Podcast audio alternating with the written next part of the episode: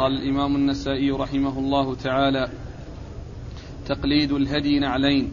قال أخبرنا يعقوب بن إبراهيم. قال حدثنا ابن علية. قال حدثنا هشام الدستوائي عن قتادة عن أبي حسان الأعرج عن ابن عباس رضي الله عنهما أن رسول الله صلى الله عليه وآله وسلم لما أتى ذا الحليفة أشعر الهدي من جناب من جناب السنام الأيمن.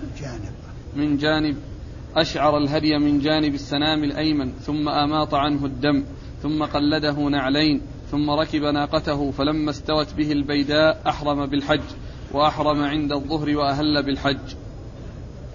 بسم الله الرحمن الرحيم. الحمد لله رب العالمين وصلى الله وسلم وبارك على عبده ورسوله نبينا محمد وعلى آله وأصحابه أجمعين. أما بعد يقول النسائي رحمه الله تقليد الهدي نعلين.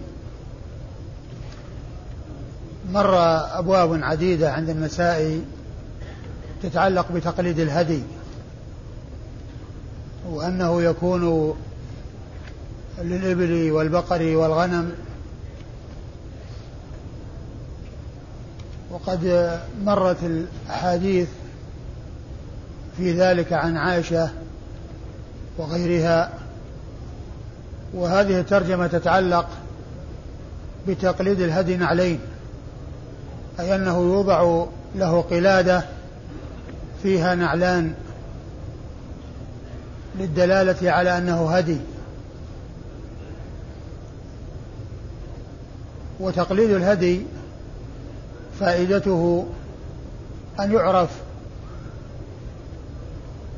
أنه هدي بحيث إذا ضل عرف وجهته وذهب به إلى تلك الوجهة التي هو موجه إليها وهي مكة. وكذلك أيضا كونه يتميز عن غيره كونه يتميز عن غيره إذا اختلط بغيره. وتقليده النعلين سبق أن مر بنا بعض الأحاديث المتعلقة بذلك التي فيها ذكر النعلين وعرفنا أن النعلين يدلان على السفر وتلك الهدايا مسافرة أو مسافر بها إلى مكة المكرمة فيكون ذلك علامة واضحة على أنه هدي فيتبعه الفقراء ليستفيدوا منه وكذلك أيضا يتميز عن غيره وإذا ضل عرف أنه هدي فذهب به إلى مكة. وهذه من جملة الفوائد المتعلقة بتقليد الهدي وإشعاره. وقد ورد النسائي حديث ابن عباس رضي الله تعالى عنهما أن النبي عليه الصلاة والسلام لما كان بذي الحليفة أشعر هديه وقلده نعلين ولما استوت به ناقته أهل.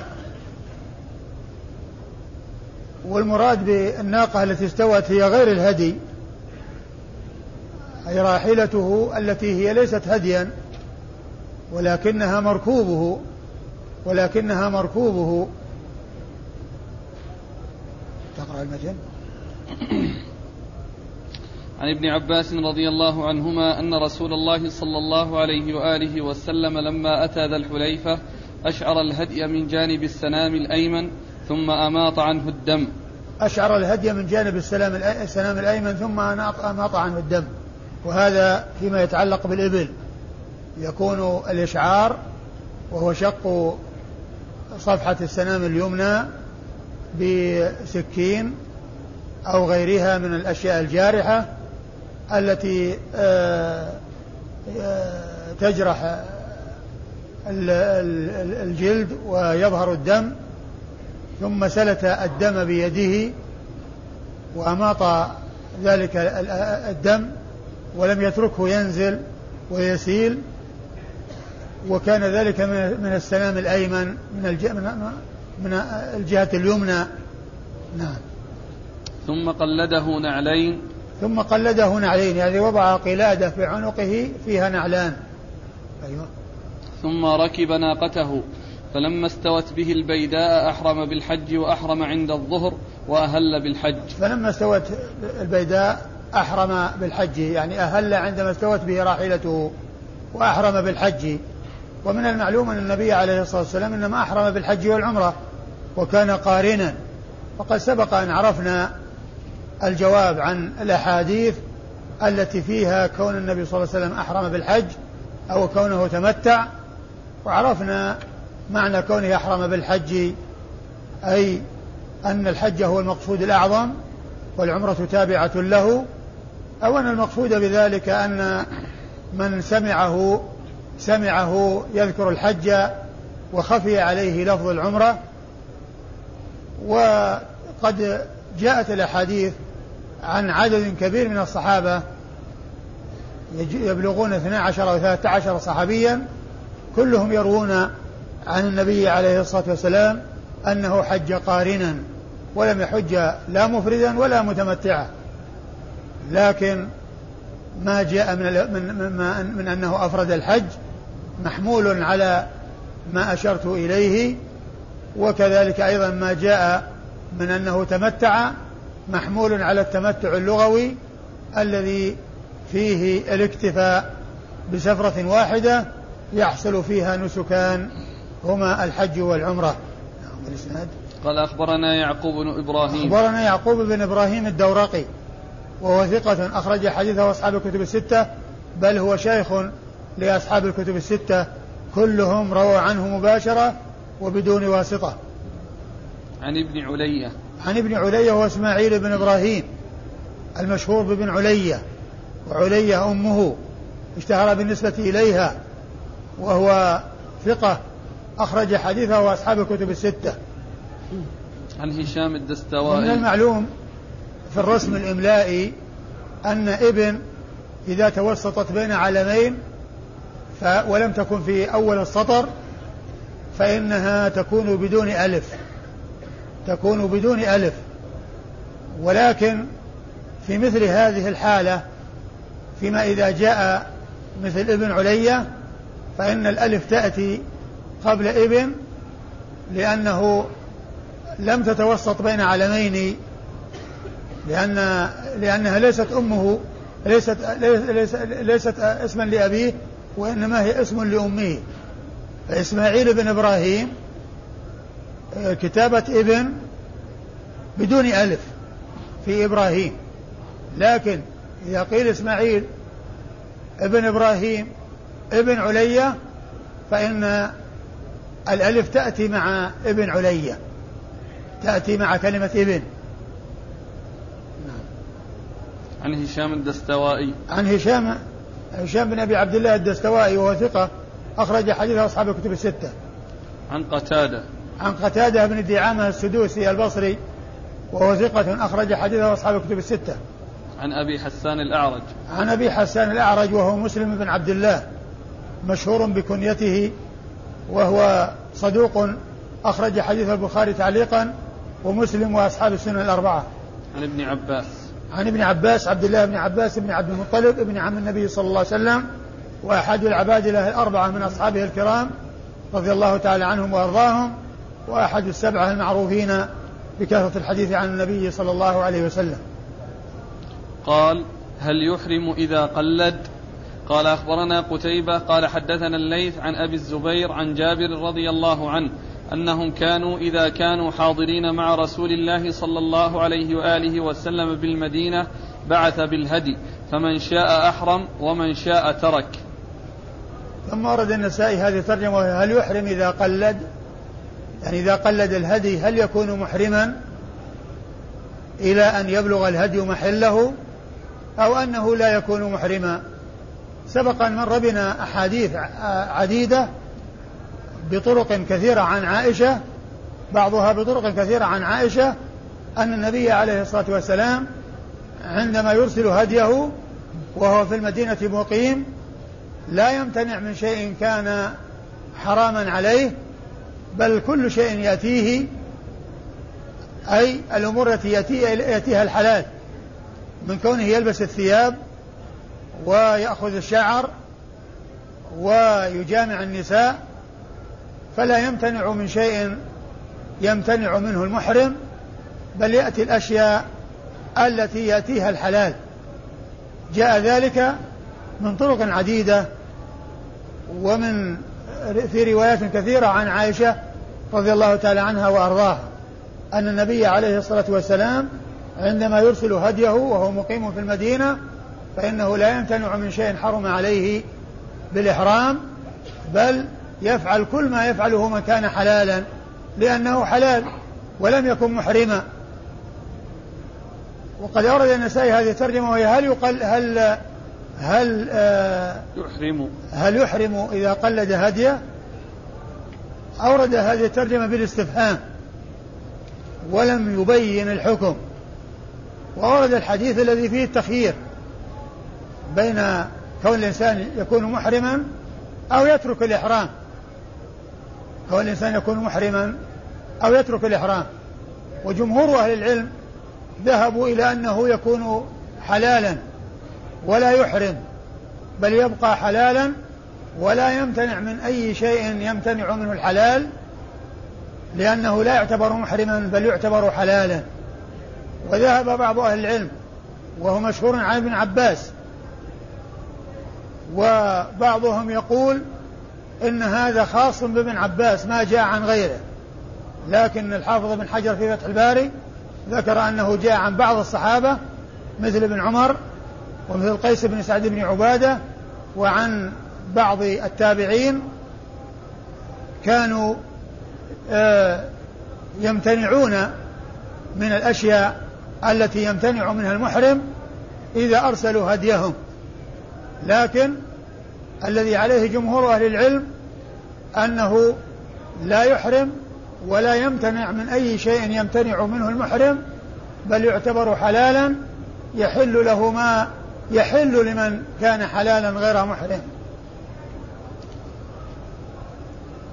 وعلى هذا فالأظهر والذي ينبغي أن يصار إليه ألا يحرم الإنسان لكنه لو أحرم ولو حصل منه الامتناع عن الأشياء التي يمتنع منها المحرم فإنه جاء عن بعض الصحابة وعن بعض التابعين وهذا الحديث الذي أورده النسائي هنا يدل على أن ذلك جائز. لكن الأولى هو أن يفعل ما فعله رسول الله صلى الله عليه وسلم فإنه لم يثبت عنه أنه كان عندما يرسل هديه يكون محرما بل الأحاديث الكثيرة التي وردت عنه من فعله صلى الله عليه وسلم أنه كان لا يمتنع من أي شيء يمتنع منه من كان محرم لأنه لا يعتبر محرما لأنه لا يك... لأنه ليس محرما وإنما هو حلال صلوات الله وسلامه وبركاته عليه. وعلى هذا فالحديث الذي أورده النسائي هو حديث جابر. حديث جابر بن عبد الله يدل على أنهم كانوا يكونون حاضرين مع النبي صلى الله عليه وسلم فإذا بعثوا بهديهم من شاء أحرم ومن شاء ترك. من شاء أحرم ومن شاء ترك. لكن الترك وعدم الإحرام هو الأولى لأنه هو الثابت من فعل رسول الله صلى الله عليه وسلم وهذا الفعل الذي هو الترك أو الذي هو الامتناع من الأشياء التي يمتنع منها المحرم آه إذا فعله الإنسان فهذا الحديث يدل عليه وعمل بعض الصحابة يدل عليه لكن الأولى خلافه لأنه هو الثابت عن النبي صلى الله عليه وسلم من فعله. ثم أيضا هذا الامتناع الذي يكون من الإنسان على القول به هو من جنس امتناع الإنسان الذي يريد أن يضحي عندما تدخل عشر ذي الحجة أنه لا يأخذ من شعره, من شعره شيئا ولا من بشرته شيئا حتى يضحي. هو من هذا الجنس. لكن كون النبي صلى الله عليه وسلم ما فعله وكان فعله أن يكون حلالا ولا يمتنع من أي شيء يمتنع منه المحرم هذا هو الأولى. وهذا هو الذي ينبغي أن يفعل. نعم. قال أخبرنا قتيبة. أخبرنا قتيبة بن سعيد بن جميل بن طريف البغلاني ثقة ثبت أخرج حديثه أصحاب الكتب الستة. عن الليث. عن الليث بن سعد المصري ثقة فقيه أخرج حديثه أصحاب الكتب الستة. عن أبي الزبير. عن أبي الزبير محمد بن مسلم بن تدرس المكي وهو صدوق يدلس أخرج حديثه أصحاب الكتب الستة. عن جابر. عن جابر بن عبد الله الأنصاري صحابي ابن صحابي وهو أحد السبعة المعروفين بكثرة الحديث عن النبي صلى الله عليه وسلم وهذا الإسناد رباعي من رباعيات النسائي. ليس بين النسائي وبين رسول الله صلى الله عليه وسلم إلا أربعة أشخاص. هم قتيبة والليث وأبو الزبير وجابر ابن عبد الله. قال هل يوجب تقليد الهدي إحراما؟ قال أخبرنا إسحاق بن منصور. قال حدثنا عبد الرحمن عن مالك عن عبد الله بن أبي بكر عن عمرة عن عائشة رضي الله عنها أنها قالت كنت أفتل قلائد هدي رسول الله صلى الله عليه وآله وسلم بيدي ثم يقلدها رسول الله صلى الله عليه وآله وسلم بيده ثم يبعث بها مع أبي فلا يدع رسول الله صلى الله عليه وآله وسلم شيئا أحله الله عز وجل له حتى ينح حتى ينحر الهدي. ثم ورد النسائي هذه الترجمة وهي هل هل آه، يوجب آه، هل يوجب تقليد الهدي إحراما؟ هل يوجب تقليد الهدي إحراما؟ الإنسان إذا قلد هديه وبقي هل يلزمه أن يكون محرما؟ ويجب عليه أن يكون محرما؟ الجواب لا. للأحاديث الكثيرة الثابتة عن رسول الله صلى الله عليه وسلم من أنه كان يرسل هديه ويبقى حلالا لا يمتنع من أي شيء يمتنع منه الحلال بل كل ما يفعله الحلال يفعله. فهذا هذا هو مقصود الترجمة. قد ورد النسائي حديث عائشة من طرق عديدة ومنها هذه الطريق أن النبي صلى الله عليه وسلم كان كان قالت كنت أفتل هد كنت أفتل قلائد هدي رسول الله صلى الله عليه وآله وسلم بيدي. ثم, ثم كنت أفتل قلائد هدي رسول الله صلى الله عليه وسلم بيدي. يعني تأكيد أنها كانت تباشر ذلك بنفسها. لأن قولها بيدي أنها تفعل ذلك بنفسها وليست تأمر أحدا يقوم بهذه المهمة وإنما تباشر ذلك بنفسها.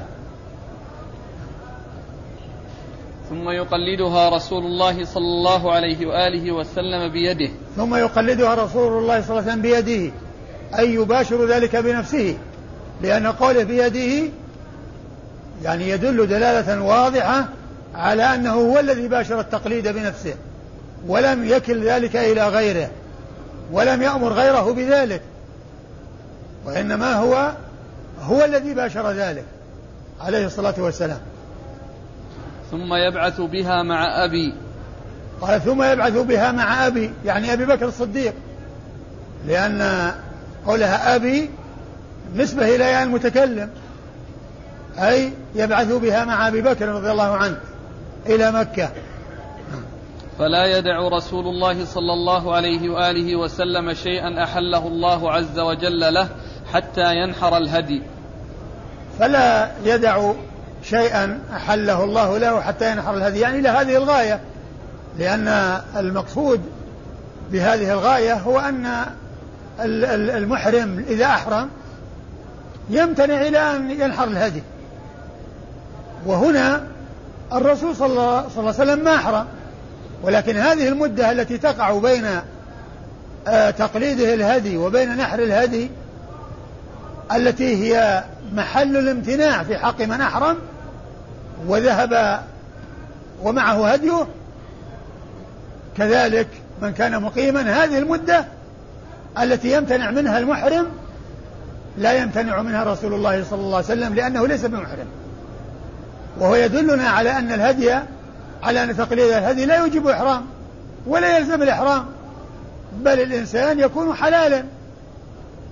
يبقى مع أهله حلالا يجامع أهله ويلبس الثياب ويأخذ الشعر وما إلى ذلك.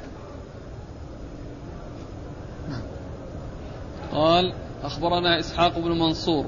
أخبرنا إسحاق بن منصور الكوسج الملقب الكوسج وهو ثقة. أخرج حديثه أصحاب الكتب الستة إلا أبا داود. عن عبد الرحمن. عن عبد الرحمن بن مهدي البصري ثقة أخرج حديثه أصحاب الكتب الستة. عن مالك. عن مالك بن أنس إمام دار الهجرة الإمام المشهور أحد أصحاب المذاهب الأربعة المتبوعة المشهورة بمذاهب أهل السنة وحديثه أخرجه أصحاب الكتب الستة. عن عبد الله بن أبي بكر. عن عبد الله بن أبي بكر بن محمد بن عمرو بن حزم الأنصاري وهو ثقة أخرج حديثه أصحاب الكتب الستة. عن عمرة. عن عمرة بن بنت عبد الرحمن الأنصارية وهي ثقة أكثرت من الرواية عن عائشة وحديثها أخرجه أصحاب الكتب الستة. عن عائشة. عن عائشة رضي الله تعالى عنها وأرضاها الصديقة بنت الصديق التي أنزل الله تعالى براءتها مما رميت به من الإفك في آيات تتلى وهي التي حفظت الكثير من سنة الرسول الكريم صلى الله عليه وسلم لا سيما الأمور التي تقع في البيت بين الرجل وأهل بيته فإنها وعت وحفظت الكثير رضي الله تعالى عنها وأرضاها. الإسناد يعقوب بن إبراهيم إسحاق بن إسحاق بن منصور. منصور. عن عبد الرحمن. أيوه. عن مالك. مالك. عن عبد الله بن أبي بكر. أيوه. عن عمرة. عن عائشة. وكل هؤلاء أخرج لهم أصحاب الكتب الستة إلا شيخ إلا شيخ النسائي فإنه أخرج له أصحاب الكتب الستة إلا أبا داود.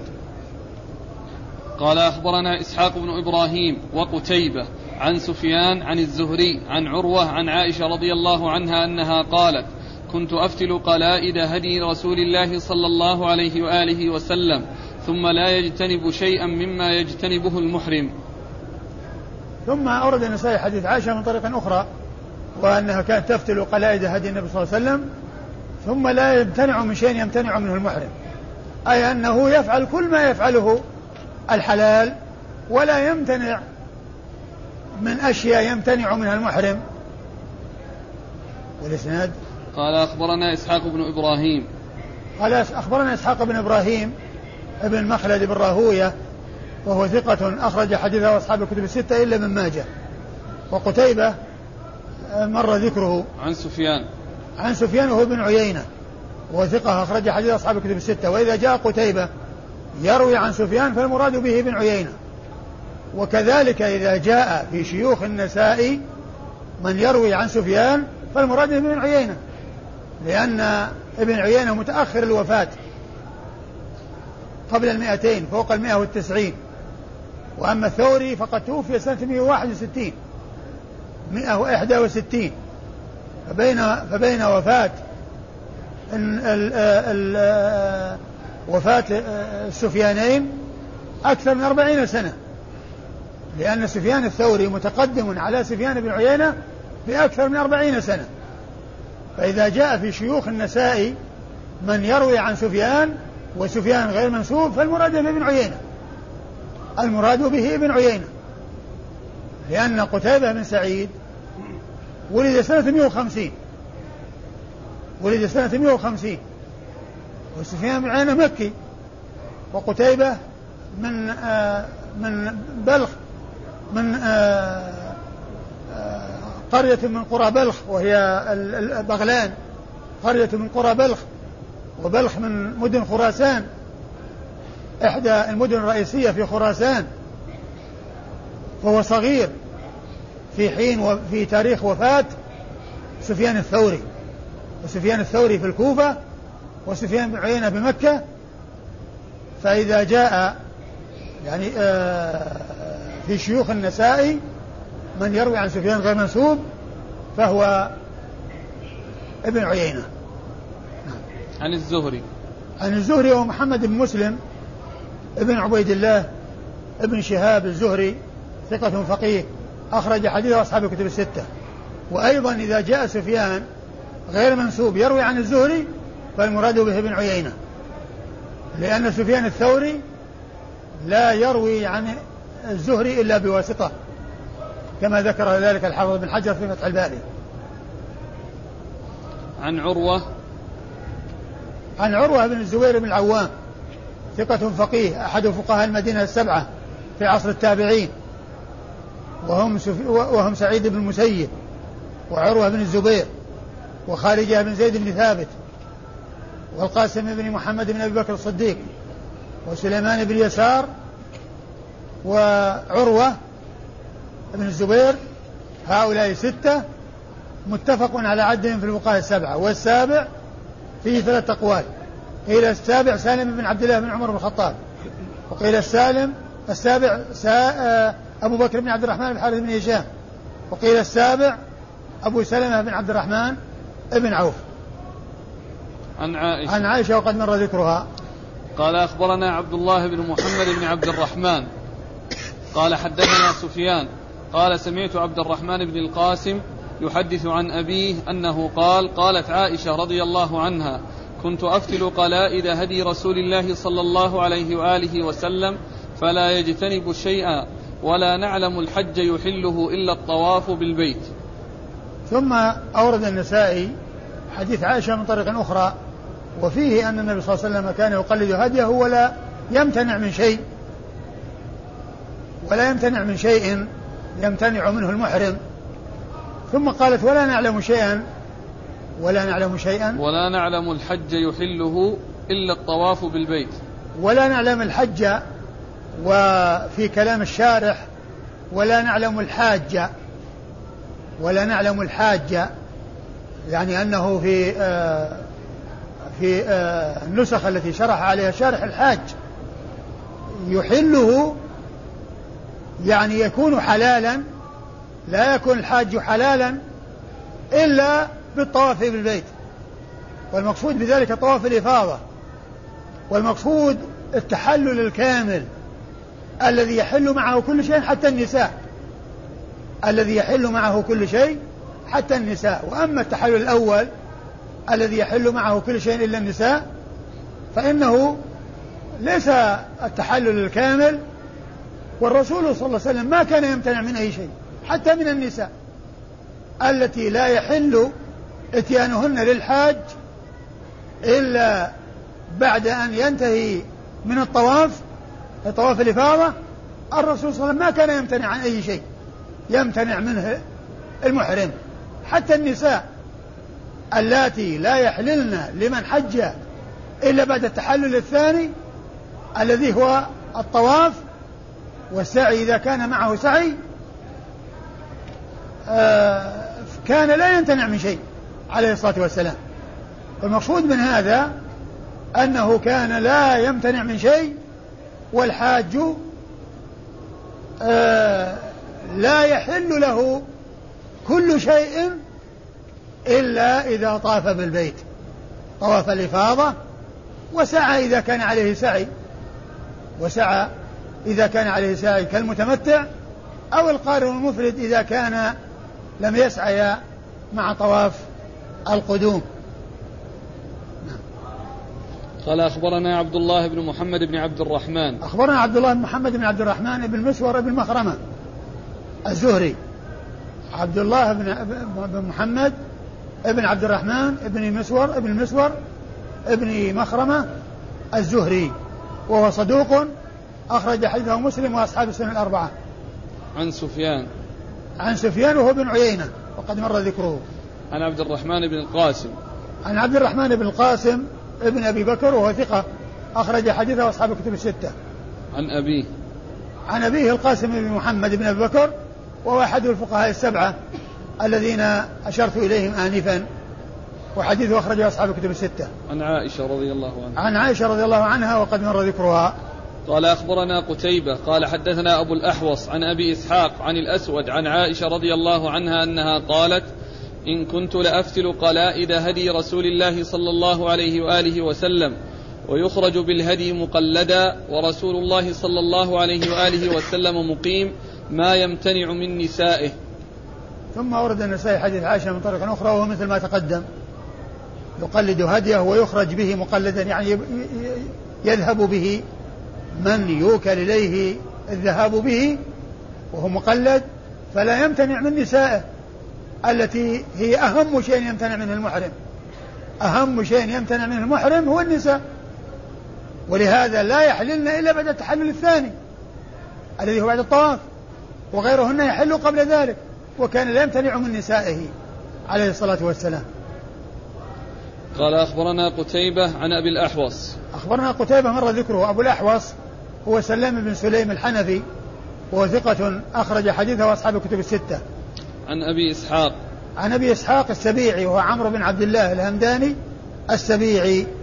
وسبيع نسبة خاصة وهمدان نسبة عامة. وهو ثقة أخرج حديثه أصحاب الكتب الستة. عن الأسود. عن الأسود بن يزيد بن قيس النخعي ثقة مخضرم أخرج حديثه أصحاب الكتب الستة. عن عائشة. عن عائشة وقد مر ذكرها.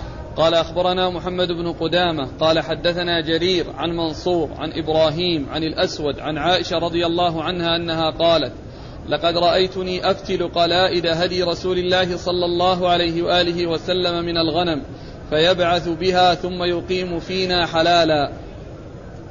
ثم قالت عائشة ثم أورد النسائي حديث عائشة وهو مثل ما تقدم لقد رأيتني.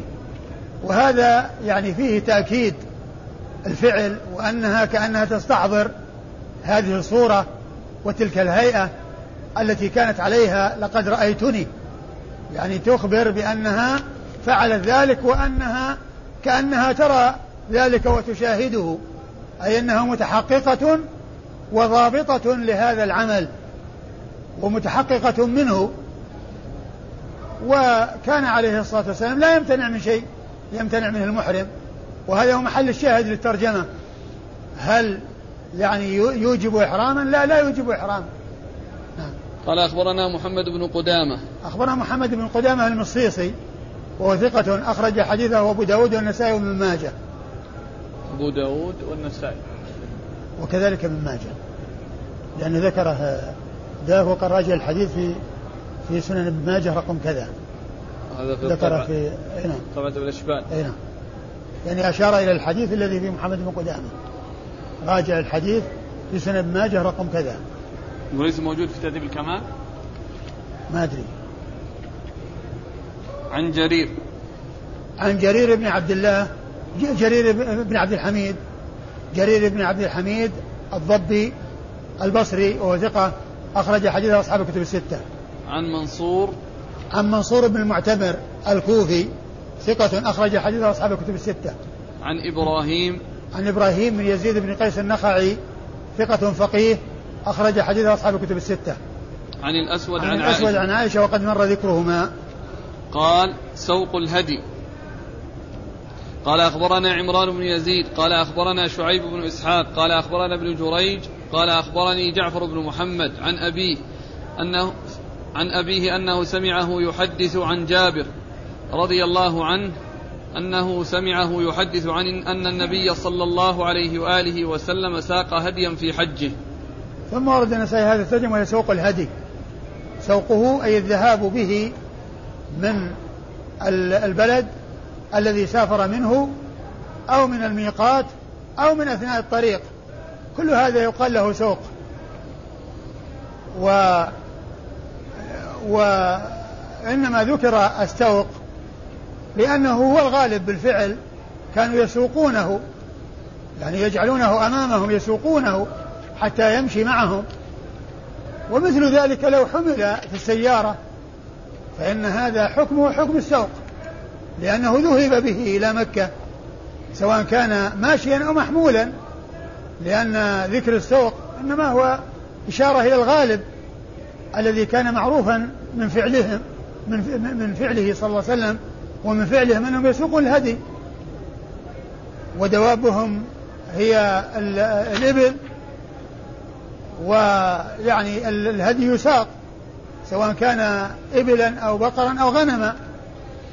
ومع وجود هذه الوسائل التي الناس لا يستعملون سواها وهي السيارات فسوق الهدي هو حمله. سوق الهدي هو حمله في السيارة لأنه يعتبر سوق والإنسان إذا ساق هديا وقد وذهب به معه فإنه لا يحل من إحرامه حتى يبلغ الهدي محله.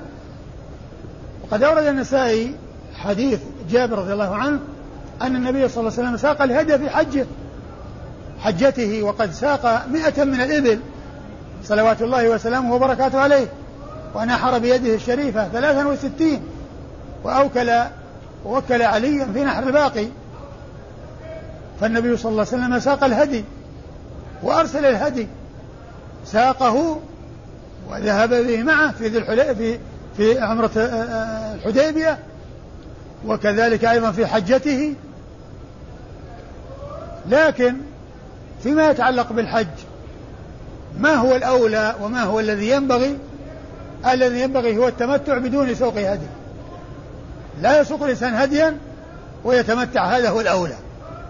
لأن النبي عليه الصلاة والسلام قال لو استقبلت من أمري ما استدبرت لما سقت الهدي ولولا أن معي الهدي لأحللت ولجعلتها عمرة. فهذا يدلنا على أن الأفضل أن الإنسان يذهب متمتعا ولا يسوق هديا وإن ساق هديا وأحرم بالإفراد أو القران جاز له ذلك ولا يحل إحرامه أو ينتهي من إحرامه حتى يبلغ الهدي محله. قال أخبرنا عمران بن يزيد. أخبرنا عمران بن يزيد هو صدوق أخرج حديثه النسائي وحده. عن شعيب بن إسحاق. عن شعيب بن إسحاق وهو ثقة أخرج حديثه أصحاب الكتب الستة إلا الترمذي. عن ابن جريج. عن ابن جريج عبد الملك بن عبد العزيز بن جريج المكي ثقة فقيه. يرسل ويدلس وحديثه أخرجه أصحاب الكتب الستة. عن جعفر بن محمد. عن جعفر بن محمد جعفر بن محمد بن علي بن حسين ابن علي بن أبي طالب.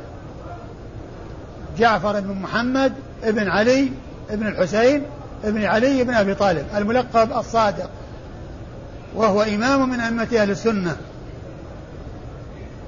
قال عنه الحافظ في التقريب صدوق فقيه, فقيه إمام. فهو إمام من أئمة أهل السنة. أما الرافضة فإنهم يغلون فيه. بل يجعلون الأئمة الأربعة في منازل لا يوصف بها الأنبياء والمرسلون والملائكة المقربون. ومن ذلك ما جاء في كتاب الكليني الكافي الذي هو أصح كتاب عند الرافضة يقول فيه من جملة ما فيه يقول باب أن الأئمة يعلمون ما كان وما سيكون وأنهم يعلمون متى يموتون وأنهم لا يموتون إلا باختيارهم ويذكر أحاديث مكذوبة تحت هذا الباب على الأئمة. ويقول باب أن الأئمة عندهم الكتب المنزلة على المرسلين كلها وأنهم يعلمونها بلغاتها. كل كتاب أنزله الله على المرسلين فهو عند الأئمة الاثنى عشر كما تزعم الرافضة وأنهم يعرفونها بلغاتهم وكل رسول أنزل عليه كتاب فهو بلسان قومه وما أرسلنا من رسول إلا بلسان قومه ومعنى هذا أنهم يعرفون اللغات السابقة كلها. كل اللغات السابقة يعرفها الأئمة. هذا غلو ومجاوزة للحد. وكذلك يقول باب أنه ليس شيء من الحق إلا ما خرج من عند الأئمة. وكل شيء لم يخرج من عندهم فهو باطل. باب أنه ليس شيء من الحق إلا ما خرج من عند الأئمة. وأن كل شيء لم يخرج من عندهم فهو باطل. وهذا فيه أن السنة كلها مرفوضة. لأنها جاءت عن أبي بكر وعمر وعثمان وعن الصحابة رضي الله عنهم وأرضاهم. فجعفر وغيره من الأئمة من أهل البيت عند أهل السنة يقدرونهم وينزلونهم منازلهم. ومن كان من أهل البيت صحابيا يحبونه لصحبته ولقرابته من رسول الله صلى الله عليه وسلم. ومن كان منهم غير صحابي وكان تابعيا أو بعد التابع من التابع أو بعدهم فمن كان منهم مؤمنا تقيا فهم يحبونه لتقواه ولإيمانه بالله وكونه من المتقين وكونه من المؤمنين ويحبونه لقرابته من رسول الله صلى الله عليه وسلم. فليس عندهم لا جفاء ولا غلو وإنما توسط واعتدال وتوسط في الأمور. ينزلونهم منازلهم من غير غلو ولا جفاء.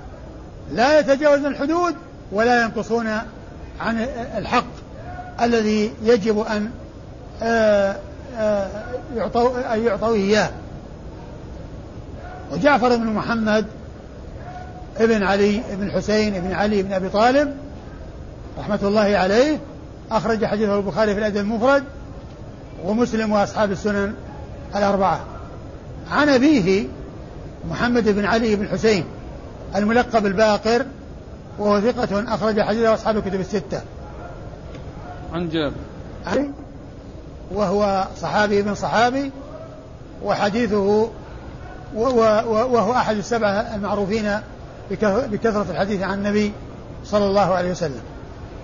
قال ركوب البدنة.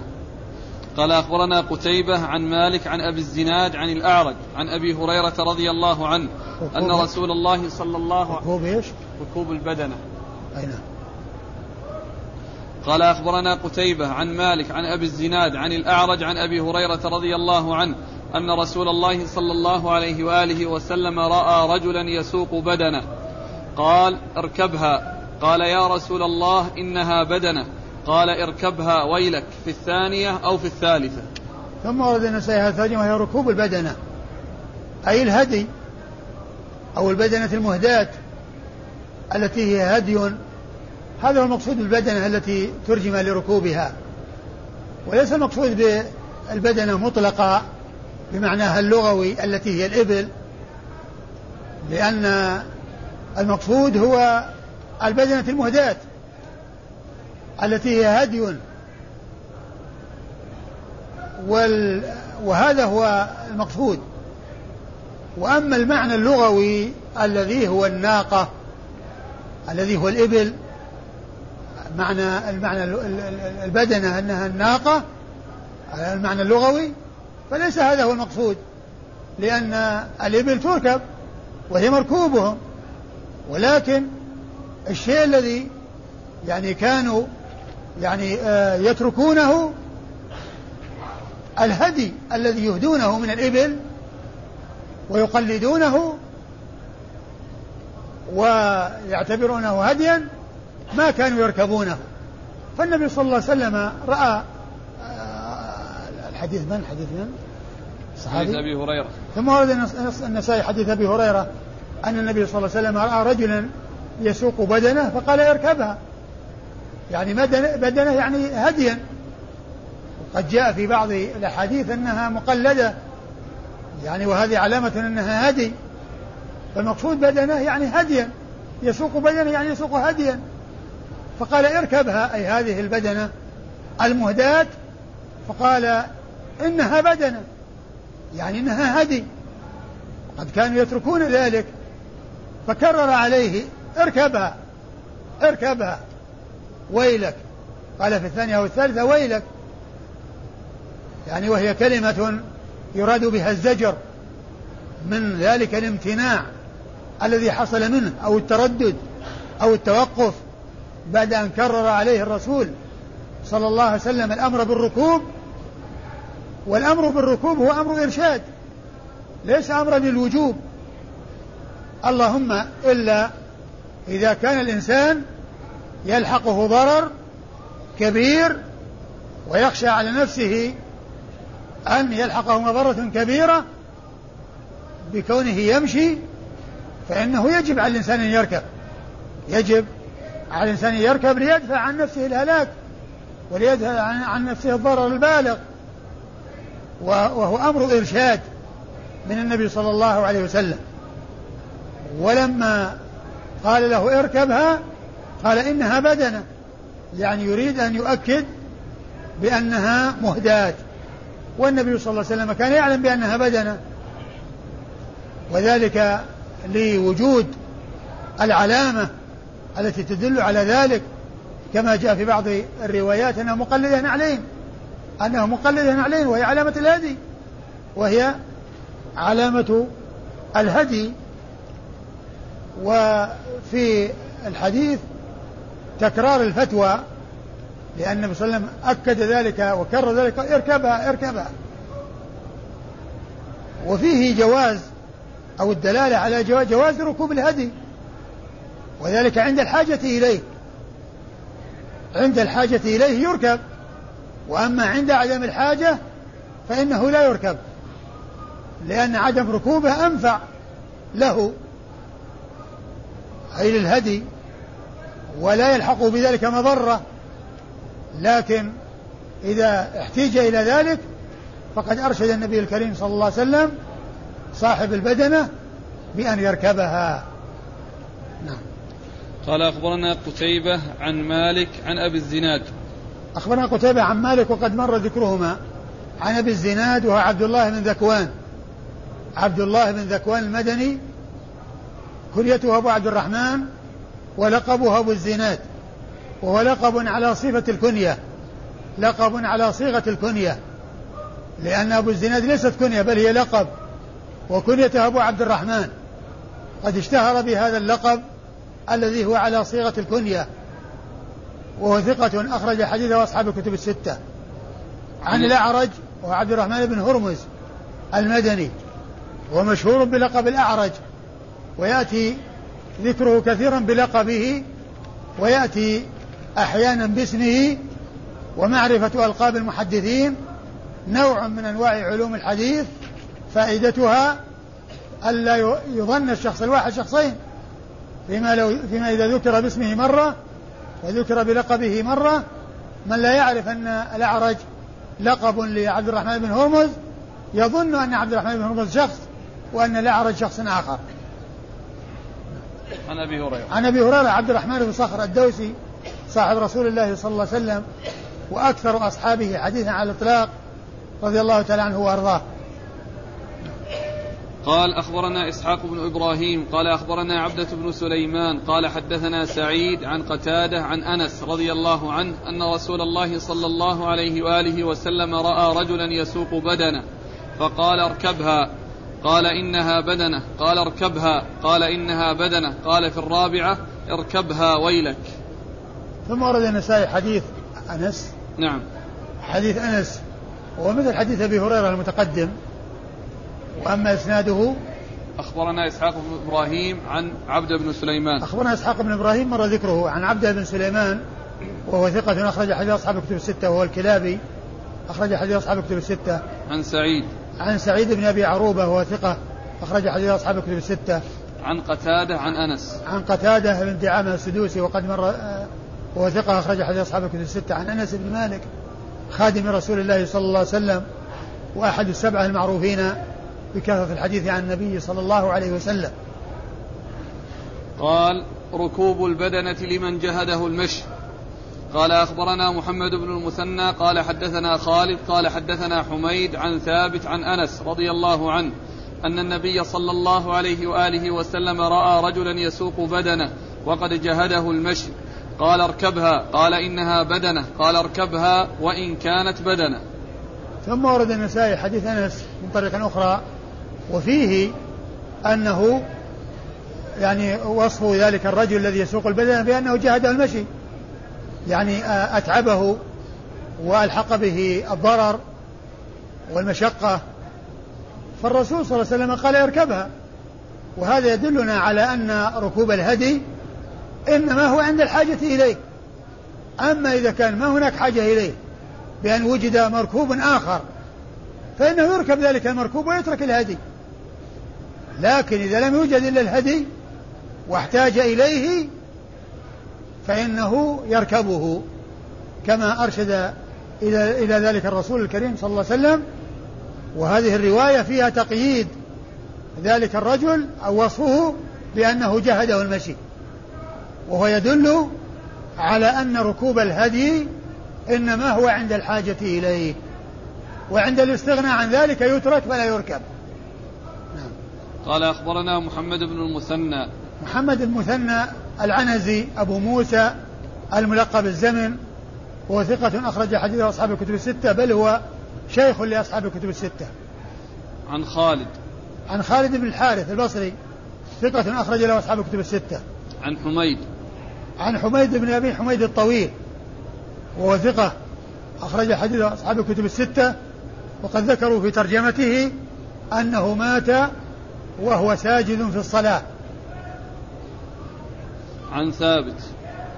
عن ثابت ابن أسلم البناني وثقة أخرج حديثه أصحاب الكتب الستة. عن أنس. عن أنس وقد مر ذكره وهذا الإسناد رواه من هو؟ خماسي. محمد بن المثنى. محمد المثنى. عن خالد. خالد. عن حميد. عن حميد. عن ثابت, عن هذا سند الخماسي وكلهم خرج لهم أصحاب الكتب الستة. كل رجال إسناده أخرج لهم أصحاب الكتب الستة. قال ركوب البدنة بالمعروف. قال أخبرنا عمرو بن علي. قال حدثنا يحيى. قال حدثنا ابن جريج. قال أخبرني أبو الزبير. قال سمعت جابر بن عبد الله رضي الله عنهما سئل عن ركوب البدنة. فقال سمعت رسول الله صلى الله عليه وآله وسلم يقول اركبها بالمعروف إذا ألجئت إليها حتى تجد ظهرا. ثم ورد النسائي حديث جابر وقد سئل عن ركوب البدنة فأخبر بما جاء عن رسول الله صلى الله عليه وسلم وأفتى بما جاء عن رسول الله عليه الصلاة والسلام وأن النبي صلى الله عليه وسلم آه، إيش قال؟ أن قال سمعت الرسول صلى الله عليه وسلم يقول اركبها بالمعروف إذا سمعت الرسول يقول يعني لرجل اركبها بالمعروف إذا ألجئت إلى ذلك يعني أنه يركبها عندما يحتاج إلى ذلك وعندما يضطر إلى ذلك. أما إذا استغنى عنها فلا يركبها وكذلك إذا ركبها ثم وجد ظهرا غيرها فإنه يتحول عنها إلى غيرها. معناه أنه إذا كان الظهر موجودا في أول الأمر لا يركب الهدي. وإن لم يكن موجودا فإنه يركب الهدي وإذا وجد الظهر الذي يركب وليس هدي فإنه يتحول من الهدي إليه. ومعنى ذلك أنه يركب بالمعروف يعني من غير إلحاق ضرر به أي بالهدي. وإذا كان محتاجا إلى ذلك وأن يكون ذلك مؤقتا حتى يجد ما يغنيه عنه. فإن وجد ما يغنيه عنه انتقل إلى ذلك الظهر الذي وجده وهو ليس بهدي. والإسناد؟ قال أخبرنا عمرو بن علي. أخبرنا عمرو بن علي هو الفلاس. ثقة أخرج له أصحاب الكتب الستة بل هو شيخ لأصحاب الكتب الستة. عن يحيى. عن يحيى بن سعيد القطان. ثقة أخرج له أصحاب الكتب الستة. عن ابن جريج. عن ابن جريج وقد مر ذكره. عن أبي الزبير عن جابر. عن أبي الزبير عن جابر. وقد مر ذكرهما. قال إباحة فسخ الحج بعمرة لمن لم يسق الهدي. والله تعالى أعلم وصلى الله وسلم وبارك على عبده ورسوله نبينا محمد وعلى آله وأصحابه أجمعين.